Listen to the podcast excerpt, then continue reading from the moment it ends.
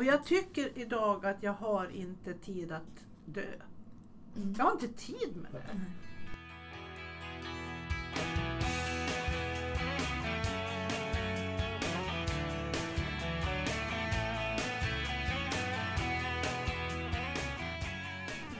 Idag säger vi varmt välkommen till Inga-Lill Bärlund som sitter här med oss idag. Tack så mycket. Kul att du är här. Och du har även Monica med dig, din dotter, Mm. som också fick följa med. Min högra hand. Ja. eh, och vi ska prata lite idag om livet och om de små sakerna i de stora. Och jag är väldigt nyfiken på att höra hur ditt liv har sett ut. För du har ju, som när vi pratade i telefon, delat upp livet i en akt 1 och akt 2. Så jag tror vi dyker direkt in och börjar där. Berätta, vad är de här akterna och vad står de för? Ja, man kan väl kalla det för att, eh, som jag brukar säga, det 30-åriga kriget. Ja. Sen efter det så följer den 40-åriga freden. Men att eh, jag, min start i livet var väl inte sådär att jag kände mig uppskattad på något sätt. Jag var egentligen inte meningen att jag skulle ha kommit till. Okej. Jag var inte önskad om jag säger så. Men, så att eh, starten var väl lite sådär att man kände när jag väl fick reda på det att eh, man fick ju inte den bästa självkänslan där. Hur, hur var starten? Berätta lite mer. Ja, det, det förekom nästan allt. Jag hade ju en äldre syster som var tre år äldre. Hon, hon älskar ju mig, det förstår jag, har ju förstått i hela mitt liv. Men, men just då så var jag mest en leksak till henne. Och det som var, och jag märkte när jag var liten, det var ju den här skillnaden. Till exempel mamma kom hem med några små gosedjur, ena var brun och den andra var vit och den vita ville jag för den var så söt. Mm. Så sa hon alltid till min syster, ta den här, vilken vill du ha? Sen fick jag det som blev över, jag fick aldrig välja, jag hade aldrig något val. Och sånt här sätter sig, det präglar sig givetvis. Mm. Så att eh, jag ställde ju henne mot väggen en dag och fick reda på det här då att jag egentligen inte var önskad men Vem? Mamma eller? Ja, jag ställde min mamma mot väggen och frågade varför har det varit så här? Och så fick jag det svaret att hon ville egentligen inte ha mer än ett barn men för Ja. min systers skull så fick jag väl bli en Mm. lekkamrat. Så det gör ju att, och sen gick ju livet så här och tonåren rann iväg och så går man in då i ett förhållande och då är man ju lite utarmad på det här Mm. Se mig, se mig, jag är bra. Men ja, då är man ju inte egentligen rustad riktigt för det här. Så att man är ju ett ganska bra byte för någon Ja. som vill ta över taget. Och det är klart, till att börja med så kändes det väl bra då men, men det visade sig sen att det var inte alls bra. Var det destruktivt förhållande? Det var ett destruktivt förhållande. Det blev mer och mer. Som slutade med att efter många år då med hugg och slag så blev det ju så att han försökte döda mig. Han var ute med vapen och skulle skjuta mig. Och så hade man då tre barn inne hemma som ropar från fönstret mamma akta dig nu skjuter pappa dig. Och det, var, det var väldigt illa. Mm. Eh, jag, jag ramlade ner barfota till slut i en snödriva och sen den äldsta sonen kom och, och räddade mig kan man säga. Så att det blev ju väldigt, det kom ju poliser och det var ju så småningom de gjorde rekonstruktion på det här och, och hittade då vad jag hade legat, det var blodigt och mitt guldha- guldhalsband låg där nere i snön. Så att det var ju väldigt illa då. Hur många år pågick det här? Ja, kära någon. Det var, ju, barnen var ju 10, 11, 12, 15 var den äldsta någonstans. Så det var han som då ryckte bort pappan Mm. ifrån. Så det var ju många år då. Ungefär så, 15, Ja. 16. och sen kom han ju i fängelse och satt där då. Så kom det, han hade väl ett ombud så han skickade väl blommor som vanligt. De här blommorna som alltid ska tro att det ska läka. Ja. Och den gången jag fick blommor då, när han satt inne, då kom, då kom min dotter och så, hon var ju bara tio år och så stod hon bredvid mig och så sa mamma, ska du verkligen ta emot de där blommorna? Mm. Jag stod och hade börjat liksom skära av dem som man skulle, nästan som man gör Så här, för man är van. Mantra eller så rutin nästan. Mm. Så det kan man väl kalla för det 30-åriga kriget faktiskt. Ja, Men där, efter det sen så, så då, Men var han din första kärlek? Som, Ja. du, ja, som liksom ja spann in dig i, ditt, i sitt nät? Om man säger så. absolut. absolut. Och sen- Mm. Svartsjukan är en fruktansvärd sjukdom. Ja, det är det verkligen. Och man kommer inte undan den. Man har inga möjligheter. Och jag tror jag berättade för dig tidigare. Jag kände att mitt, mitt liv kommer inte att fungera om inte jag hittar en väg ut. För någonstans hade jag ju det med mig. Att jag, fick inte, jag fick inte börja arbeta. Men Nej. det kände jag då när jag var ute och krattade en dag. Gör jag inte det här nu, Mm. då har jag ju ingen väg ut, ingen Nej. möjlighet att klara mig själv. Så att jag gick ju ner då och sökte jobb och hjärtat slog och jag tänkte jag blir galen jag går hem igen för det här kommer han att slå ihjäl mig för. Men jag Mm. gjorde det och det är det modigaste som jag har gjort i mitt liv. Var fick du det modet Ja, ifrån? det vet det Alltså gudarna. den kraften att... Jag tror det var alla mina lönnlöv och allt. Det var en vacker höstdag och det solen sken och det var så fina färger. Jag, stod och, jag, jag kände nästan som att Hjälp, det här ger mig ju någonting. Jag, jag hittar någon styrka där Mm. i det vackra. Och Mm. jag kände, ja, men det, jag kan ju inte sluta leva. Nej. Måste ju fortsätta. Men hur var han, var han så varje dag? Nej. Eller liksom var det perioder? Eller Ja. tog han till något rusningsmedel för Nej. att hamna i det tillståndet? Eller var det liksom... Både och. Det var ju klart att det förstärkte ju de gånger han hade druckit. Men nej då, det kom lite i skov och lite perioder. Mm. För det fanns ju, han var ju en jättebra pappa på mångt och mycket. De åkte ju skidor barnen. Han Mm. var ju fantastisk på det viset. Mm. Så det, det är inte bara så. Det är ju bara den här rädslan som bara bygger på och bygger Ja. på. När händer det nästa gång och när händer det Ja. nästa gång. Straffet för att någonting som man inte har gjort. Ja. Och man inte kan säga, men jag har inte gjort, jag har inte varit där. Och Mm. menar inte bli trodd. Då bygger du upp och så rätt som det då kommer det. Ja. Mm.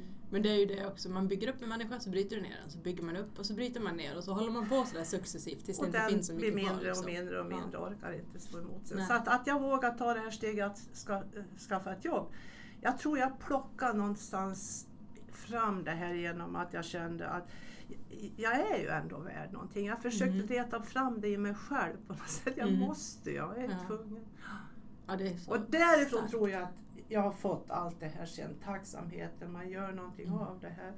Så, så tror man ju att det måste finnas något gräs Mm. som är grönare Mm. på andra sidan till slut. Någonstans ska ju min äng få blomma också tycker Ja. jag. Vad hände med, med fängelsen? Så kom, när kom han ut och vad hände efter den tiden? Rättegången var, rättegångsdagen kom och han eh, fick ett straff en månad. Mm. Och då hade han suttit en månad inne så han gick fri samma dag. Var du rädd när han kom hem? Ja, fruktansvärt klart man är det. Mm. Men efter det har han aldrig försökt att göra någonting. Konstigt Mhm. nog. Undrar vad det Han fick ett besöksförbud redan den, den dagen Ja. då. Men det första han gjorde den dagen, rättegångsdagen, så kom han ju hem. Mm. Slog upp dörren, hade en kompis med sig och gick upp och hade en resväska och så talade de om att han var man i sitt eget hus och han gick var han ville. Där hade jag kunnat ringt, de hade tagit honom på en gång. Ja. Men där avstod jag och det har jag fortsatt med att göra. Jag har heller aldrig försökt att, att, att påverka barn att de skulle liksom tycka illa om sin pappa för det tänkte jag, det får de ta ställning till själva Det är otroligt bra gjort. när de växer upp. Jag har aldrig Mm. har kört ner dem när de vill till sin pappa. Ja, det vinner man ingenting Nej. på. Och redan där hade jag ju den Mm. insikten att... eh, Det är också en enorm styrka att, Ja, att det inte känns- färga någon annan av dina Nej. åsikter och av Nej. din ryggsäck. Liksom, utan de får De bilda sin hade sett tillräckligt själva Ja. tycker jag. Så att, eh, de var ju för små för att kunna omvandla det till någonting Mm. men ändå kände jag att jag ska inte vara Nej. den som sitter och... Så det kan man väl kalla för akt ett i mitt liv. Akt ett. Mm, Mm. tycker jag. Och sen har väl jag klandrat mamma lite det här hon sa att hon gjorde ingenting för att inte vi skulle träffa våran pappa. Då har jag sagt till henne att jag, jag tyckte att det var fel. Du satt Mm. ju nu och sa att du tyckte det var så rätt. Mm. Men jag som barn tycker att hade min man Mm. gjort det här mot mina söner Mm så skulle jag ha sagt så här du har förbrukat all din rätt som pappa till dina Mm, barn. Jag mm. önskar att du aldrig mer ska få se dem och de ska inte heller eh, träffa en sån människa som gör såna här saker. Mm. Eh, jag förstår Du, henne helt och du hållet. önskar att du- hon hade brutit den åt Ja, dig? för då hade, det varit, då hade jag fått 20 Mm. år kanske till. Sen vet man ju ingenting Mm. med facit här, men jag är jätteförvånad över att man gör så Mm. ändå. Jag skulle inte ha gjort det med mina barn. Men jag tänker också så här. Nej, jag klandrar inte henne, Nej, jag jag, jag, jag har sagt det till henne och jag förstår hela henne för vi hade jätteroligt jag och min pappa. Han Mm. har varit min bästa vi, vi var verkligen så här, Mm. Bra kompisar han och Mm. jag för han är en lättsam person. Jag är nog väldigt mycket lik han på mycket så här lättsam så här men Mm. det var ju hans svartsjuk mot kvinnor. Mm. Och samtidigt det här hon säger att ja, hon sökte jobb vid gruvan. Men jag kan ju också tala om vad som hände när du gick till gruvan. Då satt han hos tre barn i trappan och släckte lyset. Mm. Och sa så här till oss, nu ska ni få se hur det ser ut när en mamma går och söker sitt jobb. Och så släckte han lyset. Sen, nu sitter ni här och tittar. Och så stod han med en skitig disktrasa och slog henne i ansiktet. Sen misshandlade han henne sönder och samman. Och det skulle vi se, för så gick det till om en kvinna sökte jobb. Mm. Så, Mm. mm, Jag gjorde det. Ja, hon gjorde det. Mm.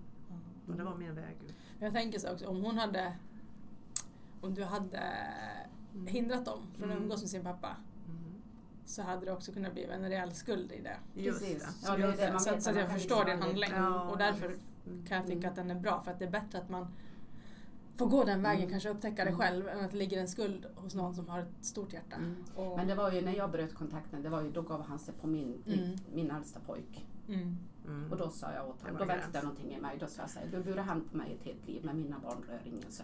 Nu är det Mm. bra så. Nej, men det var, jag kände väl mest det här att man får, man får ta den ställningen själv fast Mm. du tyckte du var tio år, det är klart du var ett barn.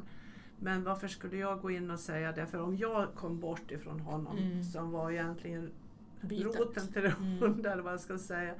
Så, så kom jag bort, då kanske de skulle kunna skapa sig ett bättre när jag inte var Mm. med. Att de skulle Mm. få ett förhållande som hade varit bra. Mm. När inte den där svartsjukan skulle finnas med. Den, det, det, det livet Mm. som barnen med han skulle kunna fått skapa sig. Då. Men sen, man kan inte ändra på de här... Om den som är svartsjuk inte själv går i terapi så blir det aldrig bättre. Nej.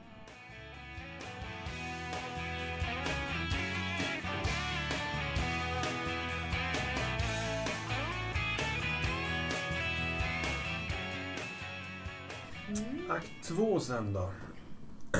Hur, vad hände sen? Ja, vad hände sen?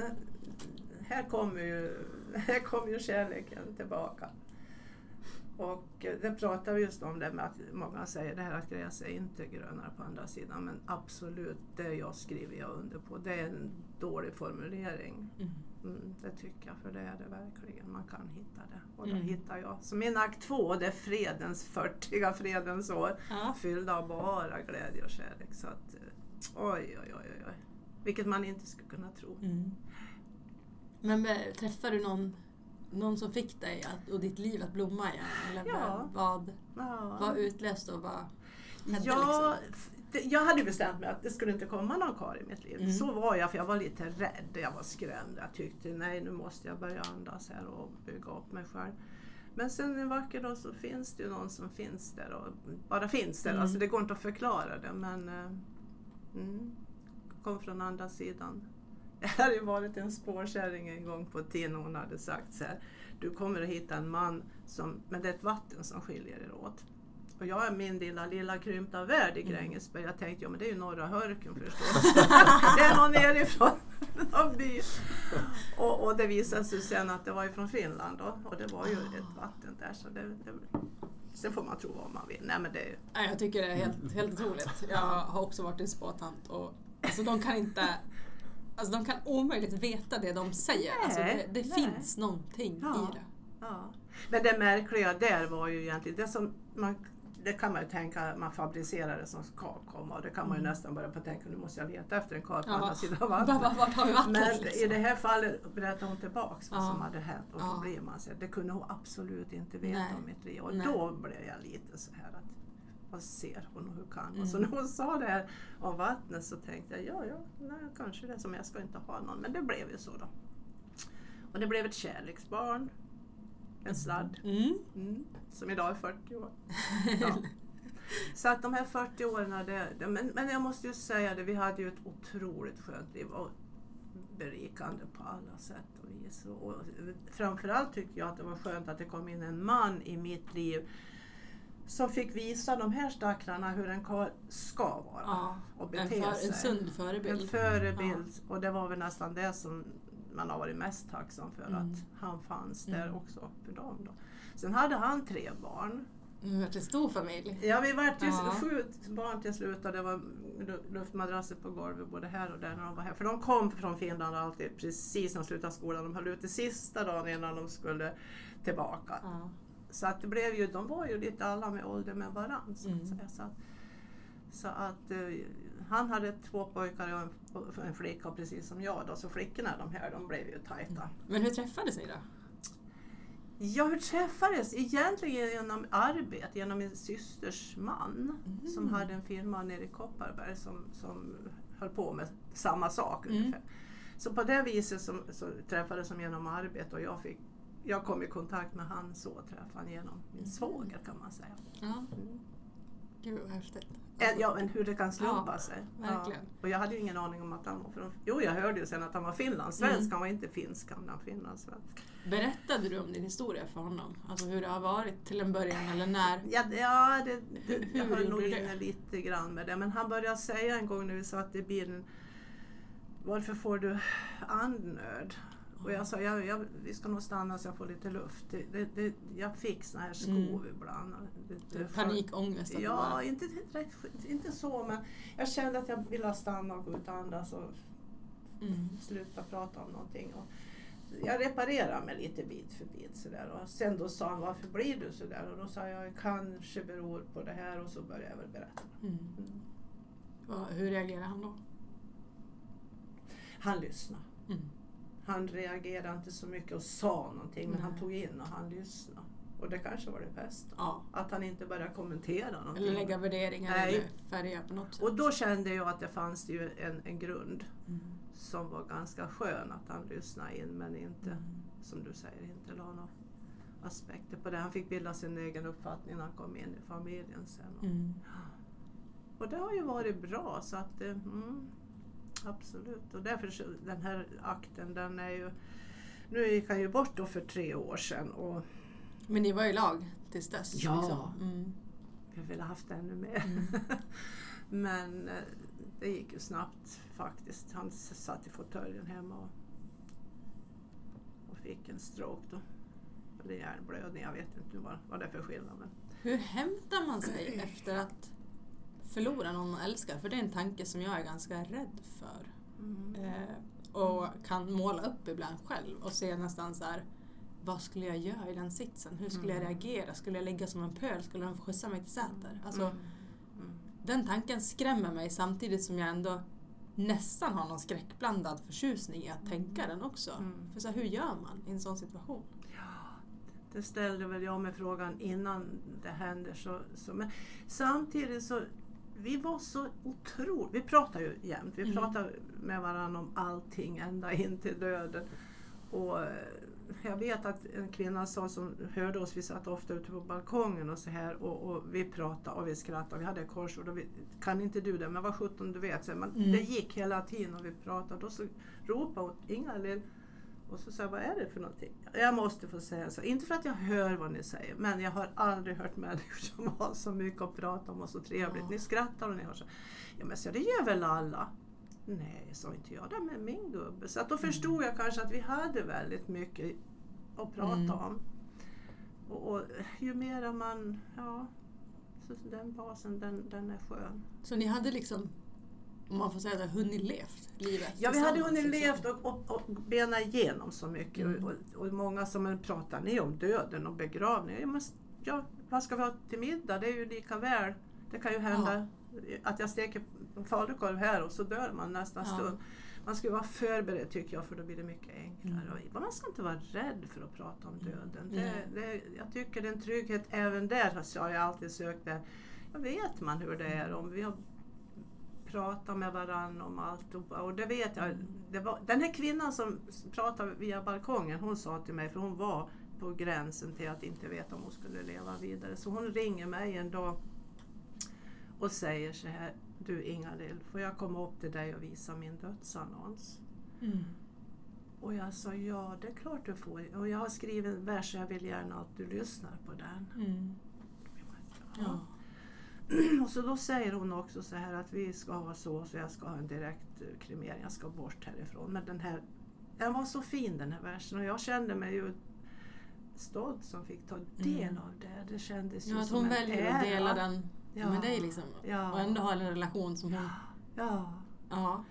Så att eh, där och då bestämde vi oss för det här att så här ska vi ha det och så här ska vi göra. Och, så när den här dagen kom, för den, den kom ju bara så här, då Mm. var vi ju förberedda på precis, jag behövde aldrig ställa mig frågan hur ville han ha Nej. det, hur skulle han ha sagt? Det hade vi pratat klart om.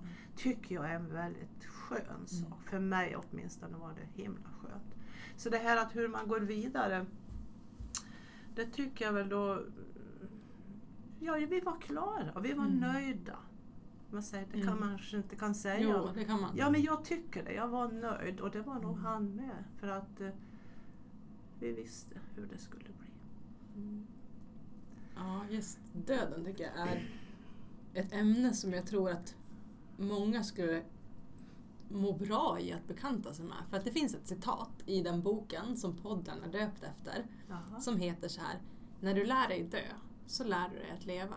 Ja, ja Och det tror jag så hårt på. För så känner jag precis. kan man inte förenas med tanken någonstans att man ska dö och den känslan är att livet har ett slut. Då tror jag att det är ganska svårt att ta, ta vara på dagarna också. Absolut. Man blir kanske inte lika ödmjuk mot livet. Eh, Och det är jag verkligen. Ja, jag är så otroligt ödmjuk mot livet. Och, och just som jag pratade med dig om här, här, den här damen som ringde, hon- fyller 90 nu i oktober, ringer och säger bara sådär då. Du Ingalill, jag tänkte, har jag bjudit dig på kräftsoppa någon ja, gång? var det hon? Mm. Ja. Ja, det var hon. Ja. Ja, Ulla. Och då sa jag, nej, jag tror du har pratat om det där. Då ska jag göra det och imorgon kommer du. Mm. Ja. Så när jag kommer in så har hon dukat bordet så köksbordet så fint med en fin ren duk. Och det var så fint. Och en liten terrin. Ja, hur många utav oss, vi kanske äger terriner men den kommer ju aldrig fram Nej, ur skåpet. står, står. Så när den står där på bordet så blöt hon blöt ju ner mitt hjärta utav det här för jag tycker att när den står där då är det fest. Då har hon verkligen känt att jag Mm. vill Mm. ja, att, att jag ska komma då. Och gjort det allra Ja. bästa. Och så här, spara, det tycker jag också man ska skicka med till människor. Alltså spara inte på den där vinflaskan. Ta Nej. den en tisdag. Den där Ja. dyra vinflaskan en tisdag. För det är där livet är. Liksom. Gör dagen till en fest. Istället för att absolut. ladda för den här stunden och så kommer stunden och så har du magknip och räsebajs den dagen liksom, som förstör allting. Ja. Bäst att greppa stunden så att säga. Ja. Ja. sen tror jag det är väldigt viktigt när man blir äldre att man skapar sig en liten, liten vad ska jag säga, krets runt omkring sig som man har att bolla med. Att man Mm. inte sitter och tycker synd om sig själv där hemma. Ut och gör någonting och träffa. Och till exempel häromdagen så gick jag på trottoaren och så mötte jag en kvinna som, en lång härlig eh, kvinna från Finland. Och, och går och tittar i backen och då säger jag Hej Lea, för jag vet ju vad hon heter. då. Hon har varit världsmästarinna i guldvaskning bland annat. Mm, kan man vara det? Och då, ja, otrolig människa. Hon var i Australien och var överallt och vunnit guld och så här. Ja, vunnit guld. Mm. Ja. och, och så började vi prata hon och jag. Och, och på det viset, och och då märkte att hon, var, hon sa jag är så ensam. Nu är det så här igen. Börja prata med människor. Och när jag gjorde det så sa hon att eh, hon är ju sån här naturmänniska. Jag började på att prata om min, när min man var sjuk fem år tidigare innan han gick bort Mm. i, nu då. Så blev han sjuk i cancer och då bestämde vi oss för att då ska vi ut i naturen. Så vi åkte och köpte en sån där morika, vet Mm. en sån där bred som man kan eh, ja, laga mat på ute. För då sa jag, nu är det friskvård som gäller. Cancern får ligga där och här ska vi laga mat. Så vi satt där och skar morötter och palsternacka och ute i naturen. Och så. Medvetna val. Ja, vi var ute och gjorde rårakel och vi gjorde Ja. allt möjligt. Och det här, när jag träffade den här Lea, nu går jag tillbaka till henne igen. Så var hon samma, samma sort. Mm. Älskar att vara ute och laga mat. Ja. Så då sa Men herregud, vad vad ska vi åka någonstans? Kan vi åka nästa vecka? Jag lovar att göra våffelsmet. Vi kan Mm. ut och göra våfflor Ja. i naturen. Tänk ett litet möte på en trottoar Ja. kan skapa sådana här kontakter. Mm. Men det är ju för att man måste ju se varandra i ögonen och Precis. säga hej. Och det tror jag människor är rädda för Ja, idag. Alltså, de är så. rädda för att möta en Ja. annan människas blick och se vad som händer. Liksom, vad finns där bakom den människan? Och våga fråga. För man kanske inte vågar, rädslan kanske ligger hos många i att våga stå kvar om Mm. det man får höra inte är det man förväntar sig att Just höra. det, just det. Ofta har man mer tid än man Mm. tror. Och Visst är det så? Om man, Ja, det har ju både du och jag märkt Ja. I vår lilla omstrukturering av livet att tid finns bara man prioriterar. Ja. För folk säger att jag har inte tid. Jag har mycket att göra. Jag är vice värd i en bostadsrättsförening. Det är klart jag har mycket att göra. Men jag märker ju Ja till exempel, låt bli telefonen något sånt där en stund så har jag ju den tiden att lägga på någon som är ensam istället. Ja, verkligen. Så att det är Och förstå det. vad det gör för den Ja. som är ensam. Ja, absolut. Och förstå vilket mod från hennes sida också tänker jag. Att våga sätta ord på det och, Ja. och ropa på hjälp. Ja. För det, där visar man ju sig sårbar. ja. Verkligen. I att säga jag är ensam. För det är ju en, en otroligt ska- skamfylld känsla också kan det vara. Kan Så det du vara. blottar ju hela... Mm. Ja hon sa det för jag sa ja då tror jag jag vet var du bor och berätta för jag sa den balkongen har jag sett den är så full med, med, med pelargoner. Ja det är där jag bor sa hon. Men du förstår jag måste minska ner nu sa hon för att om jag ska åka bort någonstans så dör de här pelargonerna. Men då har du väl någon granne så jag som kan gå in och skvätta på lite vatten. Nej sa jag har inte några Nej. sådana. Så, så då märkte man ensamheten hela tiden Ja. bara leta sig fram och då kände jag sipprar liksom. så då sa jag att du vet att vid mig kan jag också koka kaffe. Så, så nu, kom de ju, nu kom de ju med Telia grejer och så vart det sittande där. Och så, att- så nu är hon med i gänget och då sa för de har, där hon bor i den bostadsrättsföreningen har de inte så bra uteplatser. Det är så där mitt öppet, finns inga buss. Vi har en fin bakgård med skogen bakom. Mm.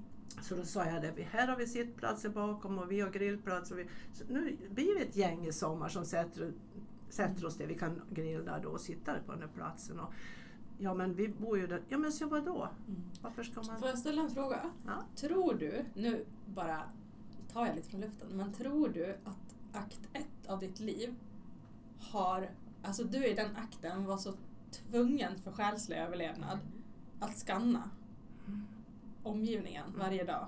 Att det har gjort att din akt två blir så här rik för att du kan skanna omgivningen. Och att det liksom gör att du uppfattar de här behoven innan de är sagda. Förstår du vad jag... Kan tänkas vara så. Jag vet inte, jag har väl aldrig ställt mig den frågan. Men, men absolut att jag är så himla öppen för det här. Och jag kan se blickar när jag går. Man, man kan ju nästan se på en människa som är så. Mm. Och då räcker det med att man möter den där blicken och säger hej. Mm. och ler lite. Mm. Och då, ungefär tittar man men vad- vem var hon egentligen? Man väcker på något sätt. Var det någon som gjorde så mot dig under akt ett? Nej, Det var inte. nej.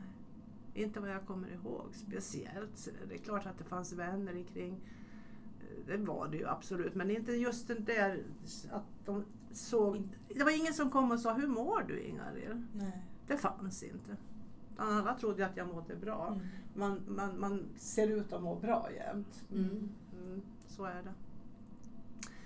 Fast man inte gör det. Fast man inte gör Mm. det. Mm. Man är bra på att dölja. Mm. Men idag döljer jag ingenting.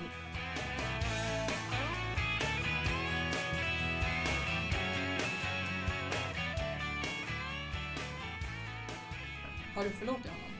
Eller hur har du, Ja, har du gjort det för att Ja. komma vidare? ja. Hur kommer Jag, man jag gör det för jag tänker, jag tänker eh, vad ska jag säga? När det, man vet att det kan bottna sig så mycket. Jag har ju själv haft den känslan av varit dålig. Mm. Och han eh, har haft samma start. Så, så det måste finnas en förlåtelse tycker jag. Mm.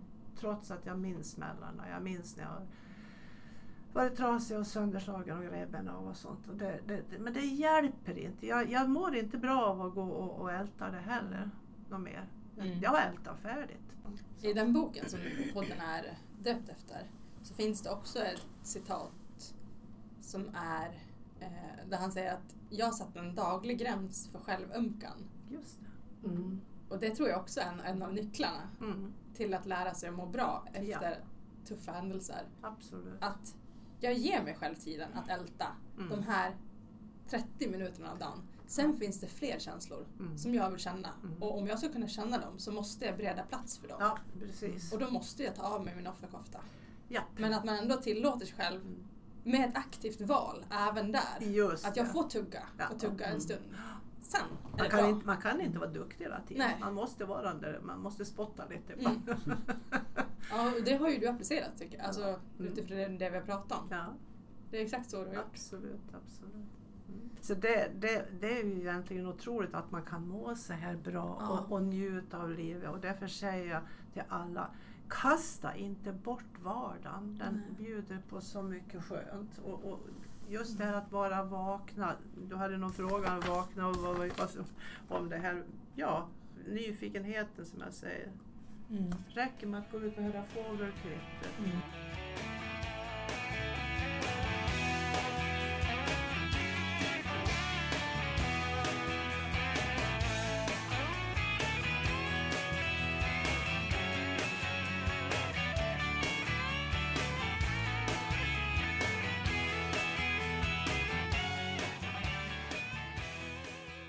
Och sen det här vi pratar om, det här när, man, när någon nära kär går bort och så här. Så jag snackar ju med honom varenda dag. Det, det låter ju så dumt för skulle någon komma och säga har du främmande? För jag pratar ju. Ja. Så säger hör du, nu är det elva kaffe, har du någon lott vi ska skrapa? Eller någonting sånt där. Jag fortsätter ju sådär. Ja. Och det är ju mitt sällskap. Pratar du med pappa? Jag pratar inte med pappa. Men gör det, snacka lite med honom. Jag har försökt. Han svarar ju inte det! inte. Det är ju inte, det Nej, jag har framförallt när jag har varit nere på vid hans grav och, och så, så har jag liksom tänkt att jag ska säga någonting. Att jag, men när jag står där så är det liksom, det är tunghäfta och det är liksom... Det blir så konstlat liksom. Och sen så står jag bara där och, och så stirrar jag i några minuter och sen så vet jag inte vad jag ska göra. Och Nu säger då- du, hör du farsan, nu är jag här. Ser du och förstår du att jag är här? Mm. Förstår du att jag tar Ja. min tid Ja, precis. Ja, har du fattat att jag försöker det? Gör livet enkelt, krångla inte till det, bubbla och prata bara med dem. Jag, Mm. jag tror att, jag brukar säga det varenda kväll när jag går och lägger mig. Nu är det dags att släcka, hej då. Mm. Vad då. spelar det för roll? Precis. Det Det är, det är så enkelt. Så. Ja. så Ja. det, nej. Jag tycker det låter så djupt att säga men jag tycker döden är otroligt intressant faktiskt. För att jag tror faktiskt Ja. inte man är död heller. Alltså jag tror man finns där någonstans bredvid den. Ja, det är väl den förhoppningen man har Ja. förstås, att man en gång ska kunna kanske nästlas in på något annat ställe. Ja. och göra det bästa. Då tänker jag, då borde min... Nu har jag det var det jag sa till Monica här, när vi skrattade här, tidigare en gång hon skulle hälla, vad heter det, spola vätska i bilen. Ja men mamma, mamma vad ska jag göra? Var ska jag hälla? Och då jag så, men herregud, tänk, jag kan, vet inte om hon ska hälla. Och så kom jag ut och så säger jag, ja, ja, ja, vad sjutton. Och vi vart och pratade om det här och då säger jag, hur kan du allting? Ja men, ja, men så jag har ju levt så länge. Men det är ju själva fasen säger jag, att när man börjar på bli fullärd, ska man till att dö. ja men det är ju ja men egentligen. det är ju fel! Ja. Det är nu jag ska börja leva, Exakt, nu när du, jag har, när du har ett helt facit av livet Ja. liksom. Varför ska du trilla av pinn då? Ja, det är ju fel. opassande. Det är lite orättvist Ja. tycker jag. Så nästa liv då ska jag starta med alla de här kunskaperna. Ja. Åh Jesus, vad händer då? Ja för fan, kommer- det- då kommer du bli gud Då finns ju den där guden där. Ja, nej det blir nog roligt det här. Vi har mycket att se fram emot. Men det är en ganska skön vinkel ändå. Varför ska man dö när man egentligen har lärt sig allting? Ja, det är lite, det är lite. Ja, det är ganska ologiskt. Alltså om, man har, Ja. om allting är så logiskt i kroppen från cellmolekylnivå, liksom, att allting är uträknat, Mm. så borde de väl, alltså, borde väl evolutionen kunna tänkt ut det bättre? Ja, jag tycker det. Men nu går jag ju in i det här nästa, nästa liv med den här vetskapen och kunskapen. Ja, akta er. Då, jag, mm, då sätter de sig inte på. Ja, helt, helt otroligt bra diskussion. Alltså jag är helt Ja. tagen och rörd. Jag Ja, vet inte hur jag ska kunna samla kraft och orka Det jobba varit efter middag. det kanske varit lite smattrigt och tjattrigt. Nej, helt, Nej, helt underbart. Underbart Och- som sagt. Och höra historierna och hur man formas som människa och hur man, vad som gör att man blir den människan man är. Mm. Jag är tacksam för att jag är den jag är idag. För jag känner mig så lugn och jag känner mig så harmonisk. Och jag har haft väldigt mycket sjukdomar som jag har gått igenom och det har jag också tagit mig igenom. För jag har alltid sett den där optimismen att ja men herregud, det är klart man kommer tillbaka. Mm. Och jag tycker idag att jag har inte tid att dö. Mm. Jag har inte tid med det. Ja men för att avrunda så stort tack för en helt otrolig diskussion. Ja, verkligen. Jag är tagen och berikad också i jättemycket tankar. Eller hur känner du Peter? Ja, men verkligen. du är stämd. Jag är, jag är stum.